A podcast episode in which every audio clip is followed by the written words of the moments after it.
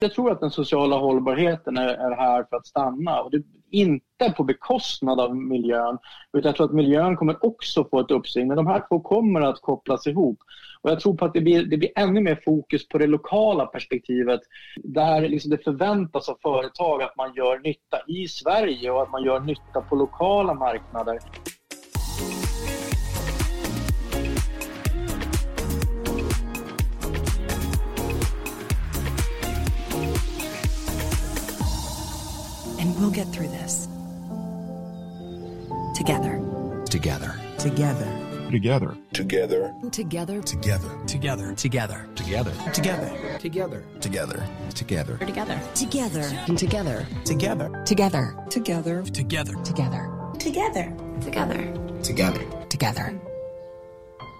Ja, det vi hörde där det var en stor fet mashup av en mängd reklamfilmer då som har släppts här under coronaepidemin. Här finns då Mazda, Hyundai, Fedex, T-Mobile, Target, Verizon och sen så en massa andra varumärken också. Eh, även om det låter kanske som att det kommer från en reklamfilm.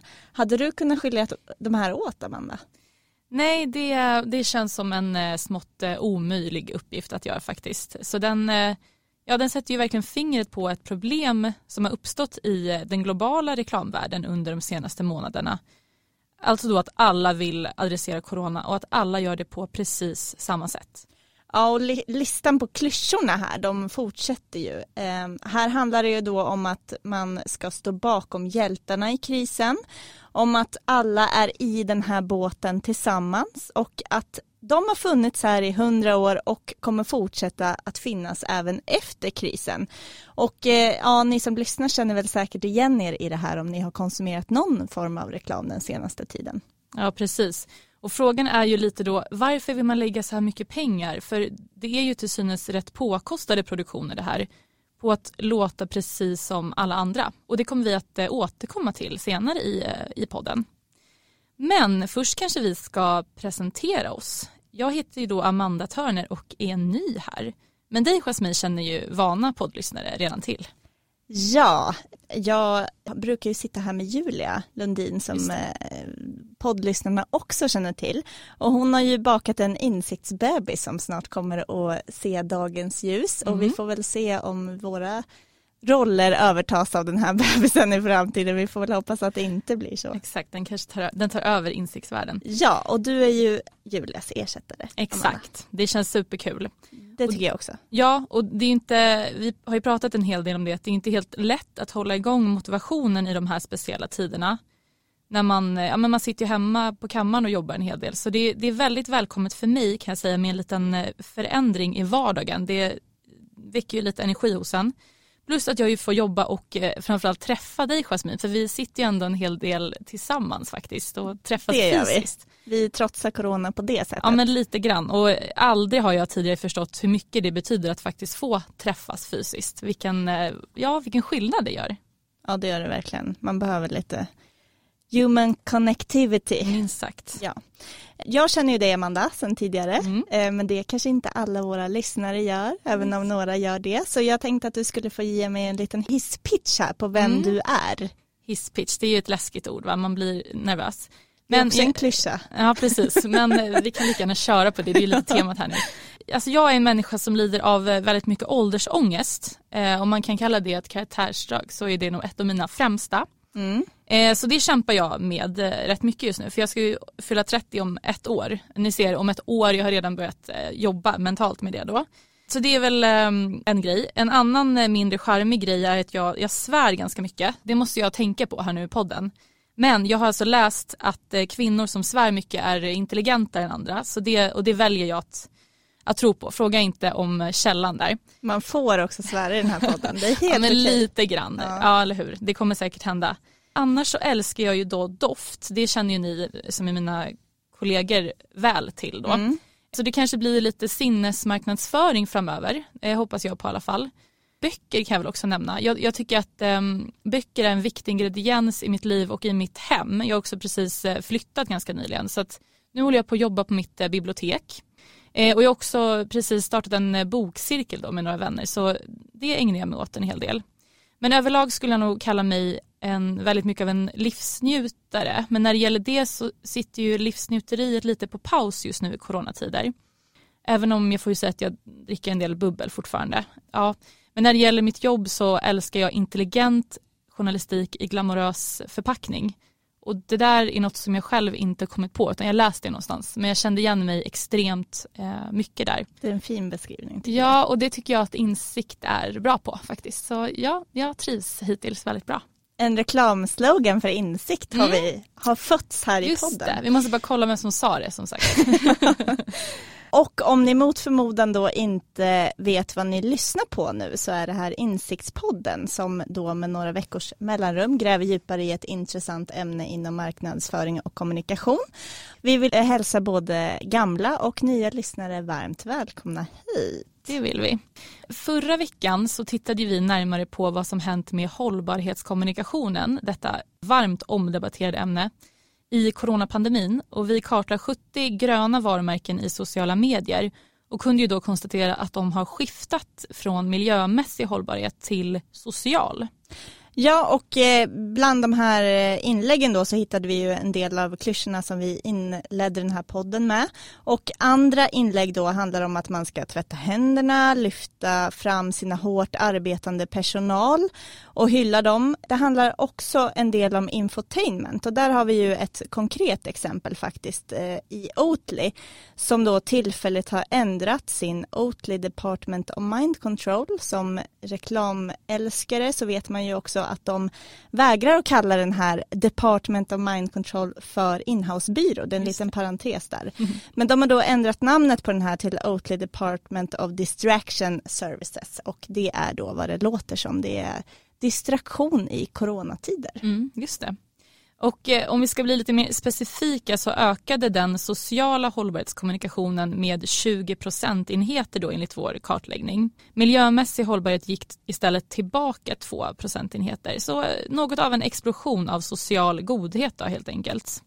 Då funderar man bland annat över om den här trenden är här för att stanna och vad den egentligen gör för nytta hos eh, konsumenterna. Förhoppningsvis så hjälper vår gäst till att reda ut de här frågetecknen. Med oss här idag på telefon, vi håller coronaavståndet till våra gäster i alla yes. fall, är eh, Niklas Törner Olofsson som är varumärkesexpert och vd och grundare av Passion Lab. Välkommen till podden Niklas.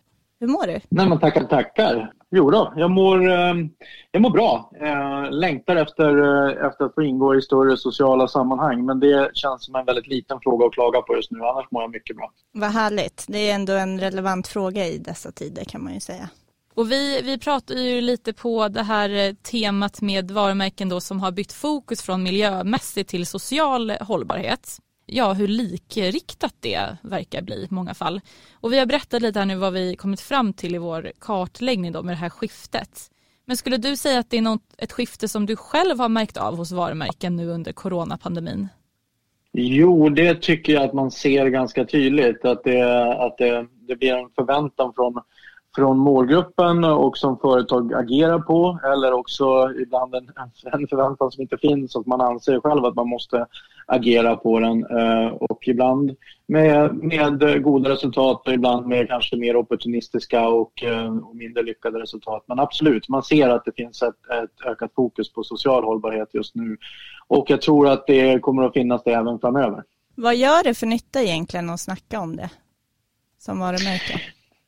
Ja, men alltså jag, tror, jag tror att det, det har alltid gjort nytta och eh, jag tror att den här egentligen, hela den här liksom, eh, pandemikrisen egentligen kanske kommer att skapa en liten pendelrörelse som egentligen handlar om att det är inte egentligen någon slags nydanande grej som, som uppstår här utan det är egentligen back to basics. Det är tillbaka till själva kommunikationens urmoder.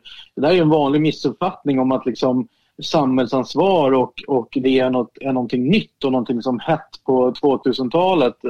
Eh, utan det är snarare tvärtom. Det är, det är så företag gjorde sig hörda en gång i tiden. Alltså nu pratar vi flera hundra år sedan. Mm. Då, då, då var det genom att ta samhällsansvar, lokalt samhällsansvar, att skapa evenemang eller betala för samhällsbyggen eller jobba med, med lokala miljöfrågor eller kulturfrågor.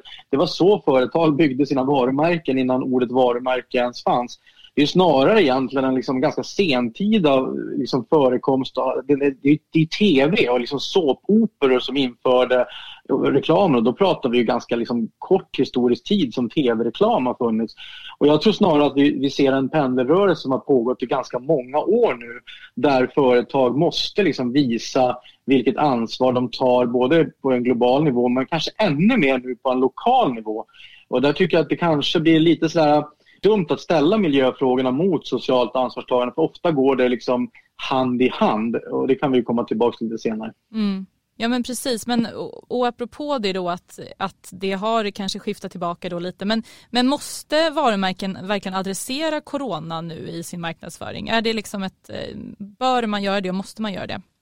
Ja och nej. Alltså ur ett employer branding perspektiv så måste man det. Och jag tror att många varumärken faktiskt, alltså det, är, det är många varumärken där, där en, som, som har så pass många anställda så att hur de agerar internt i dessa tider kommer få ett ganska stort externt avtryck. Det glömmer man också lite bort att liksom, Sverige är ett litet land och den, den liksom kommunikation som ledare har idag och hur företag agerar internt och i kultur och värderingsfrågor. Det kommer att liksom skapa varumärkesavtryck senare på marknaden. Det är den ena aspekten. Så där, ja, där måste man agera i coronafrågan och liksom kommunicera på rätt sätt och så vidare. Men, men om man tar externt, så nej, man måste inte kommentera eh, coronapandemin. Man måste inte liksom göra insatser. Eh, I vissa fall så är det väldigt viktigt och lovvärt att man gör det och man kan det och man kan liksom bidra med sin produktion eller sin personal på ett relevant sätt så är det ju kanon och då finns det både samhälls och varumärkesfördelar med det. Men jag tror att om man bara agerar på liksom i ren, liksom, på ren, eh, vad ska man säga, ren instinkt eller ren eh, panik eller opportunism så kan det också bli lite fel och liksom mal, malplacé. Om det är så att man har tänkt att det här det är ett uppvaknande och vi tänker fortsätta med det, då kan det vara startskottet på någonting väldigt fint och hållbart. Men om man bara gör det just nu eh, och försöker liksom bli alltför eh, självgod i det, då kan det också slå tillbaka ganska hårt mot varumärket. Så insatsen måste också vägas mot anspråket man, man gör, eh, det vill säga hur mycket applåder förväntar man sig i samband med att man gör det. Hur ska man som liksom konsument då kunna se skillnad på vad som är opportunism och vad som är äkta här? Det viktigaste är huruvida, huruvida liksom, vad ska man säga, syfte är, är rakt igenom äkta. Det har snarare vilken relevans företaget har för att lösa en fråga.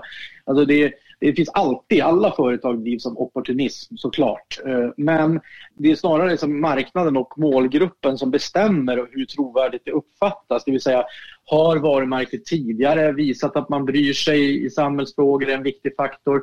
Det kan också handla om att just den specifika produkten eller tjänsten passar in för att liksom lösa, lösa någonting i, i coronakrisen.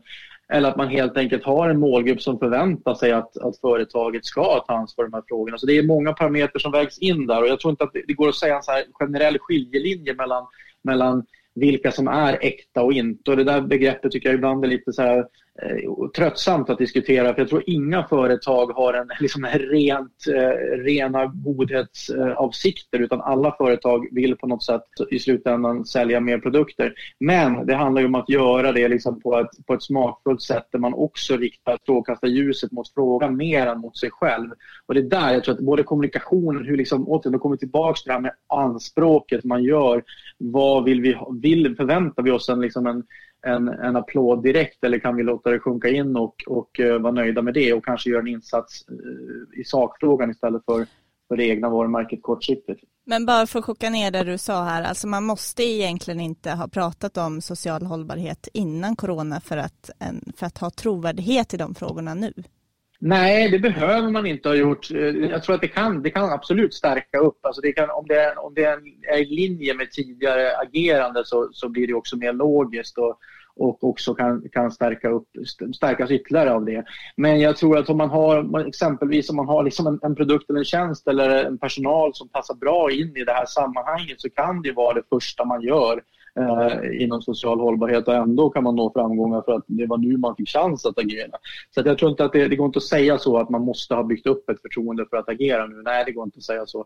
Däremot så måste man ha relevans att agera nu. Mm.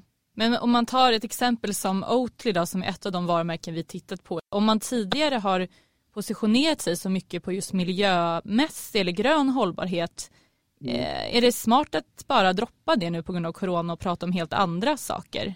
Det, det är lite också ett ja och nej-svar. Jag tror att så här, Oatlys målgrupp i det exemplet, och det finns vissa likheter med andra varumärken också, där, har man, där, där går målgruppens värderingar mellan eh, vad heter det, miljömässig och social hållbarhet hand i hand. Alltså det, det finns stora överlappningar i frågeställningarna. Det är liksom en, en just i det fallet en, en Way Out West-målgrupp, eh, eh, en, liksom, en urban, ung, medveten målgrupp i, som är kärnmålgruppen. Och då, då finns eh, den där sociala hållbarheten har funnits där tidigare. Det, det är kanske snarare förvånande att Oatly inte har eh, ännu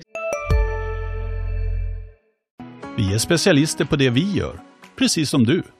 Därför försäkrar vi på Swedea bara småföretag, som ditt.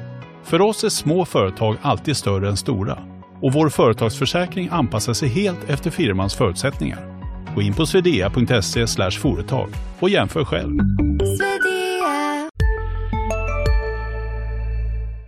Tidigare rört sig mer till de områdena när också miljöfrågan, just i det varumärket, har varit också uppe för diskussion. Eh, så, att, så att jag tror att det, det, handlar om målgruppens sammansättning och värde, värderingarna hos den specifika målgruppen också. Eh, sen, så finns det ju, sen så finns det ju andra exempel så där det kan bli liksom märkligt att droppa en miljöfråga helt i dessa tider. Jag, jag tror att framöver kommer vi få se kombinationer där, där liksom man kanske också flyttar fokus där, där lokal miljö och välmående och hälsa och liksom psykiskt välmående går hand i hand. Alltså det socialt och miljömässigt hållbarhet liksom gifter sig med varandra. Det, jag tror vi kommer få se mer sådana strategier och sådana exempel. För det är inte liksom eh, svart eller vitt i de här frågorna. Vi hörde här i början av podden att eh, kommunikation då på temat socialt ansvarstagande kan vara väldigt generisk nu under liksom corona. Vi märkte också då när vi kartlade de här inläggen att vi såg snarlika eller lika budskap hela tiden som stay safe och ja, lite sådana utrop. Alltså hur undviker man som varumärke att fastna i de här klyschorna? Men ofta kommer klyschorna av en, en oro. Eh, det, det, jag tycker ofta att man kan genomskåda att, att det liksom finns inte en tillräckligt stark driv och en tillräckligt stark tro på, på det, det miljömässiga eller sociala hållbarhetsresonemanget när man liksom hemfaller till klyschorna. Och det handlar om att man försöker så här, gardera sig. Samtidigt som man sticker ut hakan så garderar man sig, helgarderar man sig och då blir det ofta lite så här tveksam kommunikation. Eh, och jag tror, jag tror att det är anledningen till det. Jag tror att vågar man undvika liksom, eh, klyschorna och snarare liksom går på kärnfrågan och går på, på att rikta strålkastarljuset mot det nyttan man vill göra och hur man gör nyttan istället för att där, rabbla upp alla, alla liksom, värdegrundsmässiga fördelar varumärket har och hur länge man har funnits och så vidare. Det, det, det, liksom blir, det där, då, tror jag, då blir det det där anspråksresonemanget igen. Alltså då, då på något sätt så så vill man koppla ihop sitt eget varumärke per definition med att man är god och därför gör vi gott. Alltså det, det, det, det, det, det där börjar det eka, eka ihålligt. Alltså det, det, är ingen, det är inte så många i målgruppen som tror att varumärken är goda men man kan tro på att varumärken vill göra gott och det är en stor skillnad. Och, och blandar man ihop de där två sakerna och säger att vi är goda, därför gör vi gott. Det är då det blir, det är då det blir de här klyschorna. Mm. Men jag tänker det här klippet då som vi fick lyssna på inledningsvis, det är ju otroligt snarlika budskap. Jag undrar ju så här, är det massa pengar som slängs i sjön just nu på kampanjer där det, man skulle egentligen inte veta vem avsändaren är överhuvudtaget egentligen för att det är men exakt samma formuleringar, samma musik, samma typ av bilder. Mm. Vad tänker du kring det där? Då?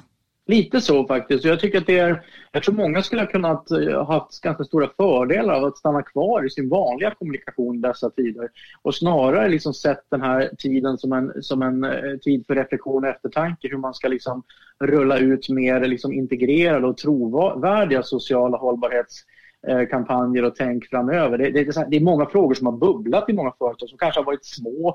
De flesta större varumärken har stöttat olika liksom, antingen organisationer eller initiativ och gjort det i många år. Det kanske har varit en väldigt liten del av deras kommunikation. Men det kan snarare se hur kan vi komma ut på andra sidan med en starkare och mer trovärdig Eh, roll och ta större ansvar i framtiden. Det hade kunnat vara en sån tid.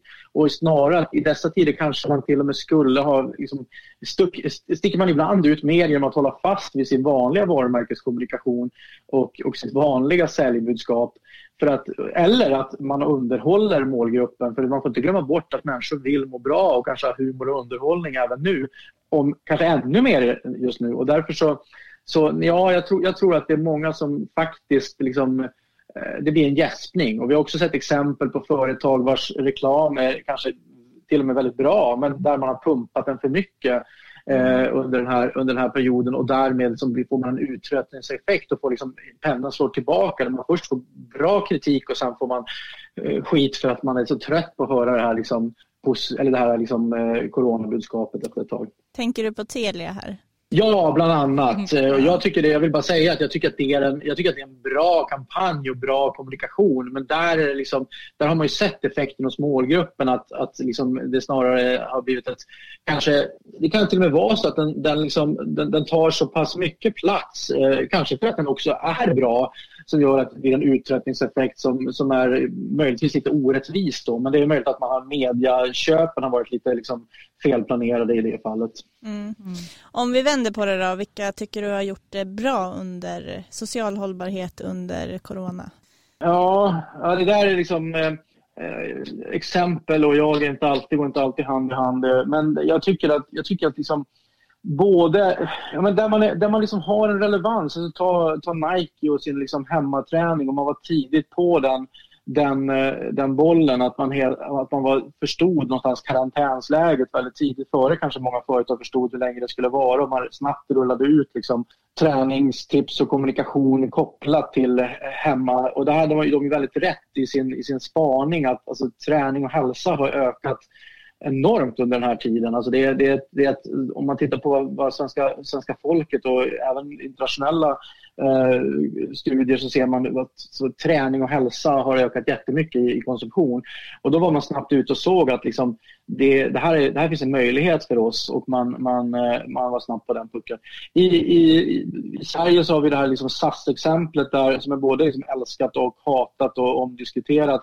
Eh, jag tycker att det är, en, det, är ett, det är, ett, smart sätt att göra någonting av en, av en eh, skitdålig situation och liksom, eh, använda den egna personalen som en resurs och skola om dem. Och det har man också fått mycket cred för. Och jag tror också att det finns en, liksom en tycka synd om-syndrom som, som gynnar SAS positivt i och med att man liksom ligger ner och då, då blir det liksom en så vi vill ju någonstans att det ska gå bra för SAS i slutändan. Där vissa liksom kanske hävdat att det är opportunism då, men, men jag tycker ändå att det är ett bra exempel på när man också snabbt ställer om utifrån en dålig situation och gör något bra av det. Sen så, Telia-kampanjen, liksom, den, var ton, den var träffsäker och hade en, en stark tonträff eh, och var rätt snabbt producerad. Och liksom, tyckte jag kom, kom klockrent när den kom. Sen, sen kanske den liksom då har, har blivit lite tjatig i, i längden eh, för att den har gått väldigt hårt och mycket. Kanske också för att det är liksom vissa andra media köp har minskat och då, och då, då sticker liksom den ut väldigt hårt just nu. Mm. Men vad tror du, nu är vi ju som sagt mitt eh, inne i det här fortfarande, men om man liksom skulle spå lite så här, vad tror du att branschen kommer att ha lärt sig om kommunikation av coronapandemin? Kan man se redan nu något så här, åt vilket håll det barkar så att säga? Jag tror att den sociala hållbarheten är, är här för att stanna och det, inte på bekostnad av miljön. Utan jag tror att miljön kommer också få ett uppsving. Men de här två kommer att kopplas ihop. Och jag tror på att det blir, det blir ännu mer fokus på det lokala perspektivet. Eh, där man, där liksom det förväntas av företag att man gör nytta i Sverige och att man gör nytta på lokala marknader. Jag tror att också väldigt många evenemang och annat kommer att bli mer lokala och kanske ha, det, kommer vara, det kommer vara lika stort behov av att ses och mötas och samlas men de evenemangen kommer att bli kanske mindre och mer lokala till en början. Och Det tror jag också kommer att gynna liksom, lokala initiativ och social hållbarhet i Sverige och på lokal nivå kommer att, kommer att gynnas här hemma. Och Det tror jag många företag måste vara liksom, eh, med där och, och kanske lita på. Det ser man också att det är, en, det, är, det är en stor skillnad mellan yngre och äldre målgrupper i vad de förväntar sig av varumärken. Eh, jag såg en kollega som hade sagt i någon sån här insiktsspaning att, att företag bara liksom ska bara sälja och, och liksom det, det, det, då har man på sig glasögon hos en ganska gammal målgrupp vill jag påstå. För att om man tittar på, på, på alla undersökningar på yngre målgrupp så förväntar man sig att företag ska ta socialt ansvar. Och däremot så är man inte så intresserad av liksom massa reklam som berättar utan man anser sig vara ganska, ganska intelligent eh, nog att själv avgöra vilka som, som är trovärdiga och inte. Så att jag tror att genuint och äkta socialt ansvarstagande där man riktar strålkastarljuset mot de verkliga hjältarna. Eh, det tror jag kommer att bli något man lär sig av den här tiden. Men eh, det du nämner här med lokalt fokus också, tror du att det även gäller liksom internationella varumärken? Jag tror det. Jag tror att det, det kommer handla om att, att visa att man är trovärdig i, på den lokala marknaden även som, eh, som internationellt varumärke, kanske ännu mer där. Eh, det betyder inte att liksom globaliseringen är, är förbi eller att vi inte kommer att Uh, absolut, vi kommer att ha precis lika stort intresse av att, av att liksom ha kontakt med resten av världen och, och liksom, eh, uh, digitalisering kommer att öka ännu mer på grund av det här. Men i takt med att liksom, resandet kommer att bli påverkat och vi kommer att liksom på något sätt vara väldigt under lång tid vara lite sådär bry oss om den här liksom, eh, lilla plätten som vi kallar vår egen. Eh, det, här, det här ska man inte blanda ihop med nationalism och stänga gränser och eh, de, den typen utan jag tror snarare kommer att handla om en, någon slags kanske någon slags till och med liberal och globaliserad nationalism som, som, eh, som, eh, som bygger på en slags tillsammanskänsla i, i, i, när, i närområdet. Det här kan låta som flummiga resonemang, som, men, men jag tror att det när jag, när jag pratar om lokalt så tror jag någonstans det här omhändertagandet och tryggheten om det som ligger nära eh, målgruppens område och, och, eh, och landet som sådant. Jättebra, det får bli slutorden då för den här intervjun. Tack så jättemycket Tack för att du var med här Niklas. Tack. Tack. Då var det dags för veckans svep där vi tar upp tre intressanta grejer från veckan som gått. Och då vill vi börja med att prata om digitala events för de är väldigt heta just nu. Och vi ser till exempel då Guldägget som kör digitalt näst, nästa vecka. Vi har sett webbdagarna som redan har kört. Det är prat om att digitalisera Almedalen och vi får väl se hur det går med det. Men det är intressant i varje fall. Det här är ju då inte helt lätt. Ett digitalt event konkurrerar ju då med tv-program och inte med fysiska event det ska man komma ihåg. Och sen så sparar man ju absolut pengar, det är ju en positiv sak och man är också mer tidseffektiv. Men digitala events pirrar ju inte riktigt i magen, eller vad säger du Amanda? Nej, jag blir inte så upphetsad av det. Nej, nej, inte jag heller. Tror vi då att det här kommer få fäste även efter corona? Vi skulle väl svara nej på den frågan mm. som vi själva har ställt.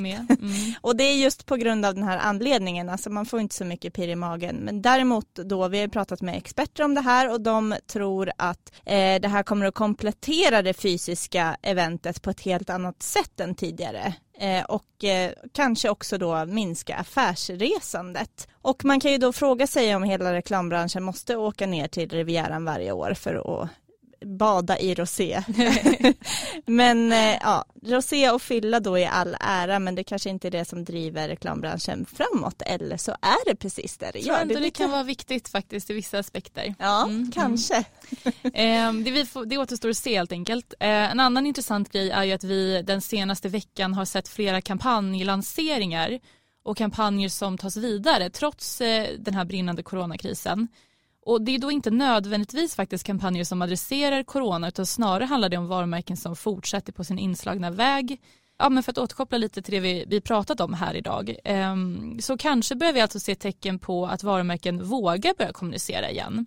Bland annat har ju då Kronfågel lanserat en kampanj om miljömässig hållbarhet som de ju också pratade om innan corona. Och Coop har lanserat ett nytt varumärke med Lotta Lundgren vilket ju är spännande. Köksserien Lotta L. Och de har ju, om jag minns rätt så heter den Lotta L, och de har ju samarbetat med henne under flera år och nu tar de alltså nästa steg.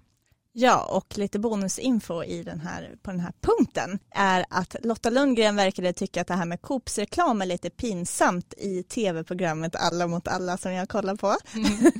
Där så sikar de ju då det laget som inte svarar på frågorna för tillfället genom att klippa in då ljud som deltagarna ska bli störda av. I Lotta Lundgren och Erik Hags fall så var det här ljudet taget från Coops reklamfilm och vad jag kunde se, om jag kan tolka då människor rätt, så såg Lotta inte särskilt bekväm ut med det. Mm, ja det kanske var något hon inte ville skulle tas upp i just det sammanhanget då. Ja, Men, men så jobbigt kan det ju inte vara om hon låter Coop lansera ett varumärke nu i hennes namn. Money Talks kanske man kan gissa då, Mm. eh, vilket man ju förstår. Ja, vi alla vill ju ha mer deg i plånkan. Alla som arbetar på Klarna ska kunna se sig själva i spegeln när vi går och lägger oss, sa Klarnas marknadsdirektör David Sandström i veckan samtidigt som han då meddelade att bolaget lägger om sin marknadsföring och slutar göra reklam för krediter. Istället så ska Klarnas kundservice lyftas fram och det dröjde dock inte många dagar efter det här uttalandet förrän nyheten om att Klarna nu satsar på mikroinfluencers kom. Och eh, de här storskaliga kampanjerna med då stjärnor som Snoop Dogg och Lady Gaga som vi har blivit vana vid från Klarna, de förpassas till historien. Men man har också då funderat på hur Klarna ska kunna toppa de här storheterna för det har varit väldigt påkostade kampanjer och maffiga sådana. Jag undrar dock om det är så att Klarna inte tänker på att mikroinfluencers påverkar till fler krediter. Tiden här får väl utvisa om de där speglarna som David pratade om fortsätter fylla sin funktion för de anställda på Klarna eller om de täcks över i framtiden. Och nu har det då blivit dags att avrunda dagens avsnitt. Det var ett jättekul första poddavsnittet för min Ja, del. bra jobbat Amanda. Tack. Om några veckor är vi tillbaka igen och jag ser redan fram emot det. Ja, och tack alla lyssnare för att ni hittar hit och om ni vill och orkar så ge oss gärna ett betyg i appen Podcaster, då blir vi jätteglada. Vi är snart tillbaka igen, missa inte det. Hej då!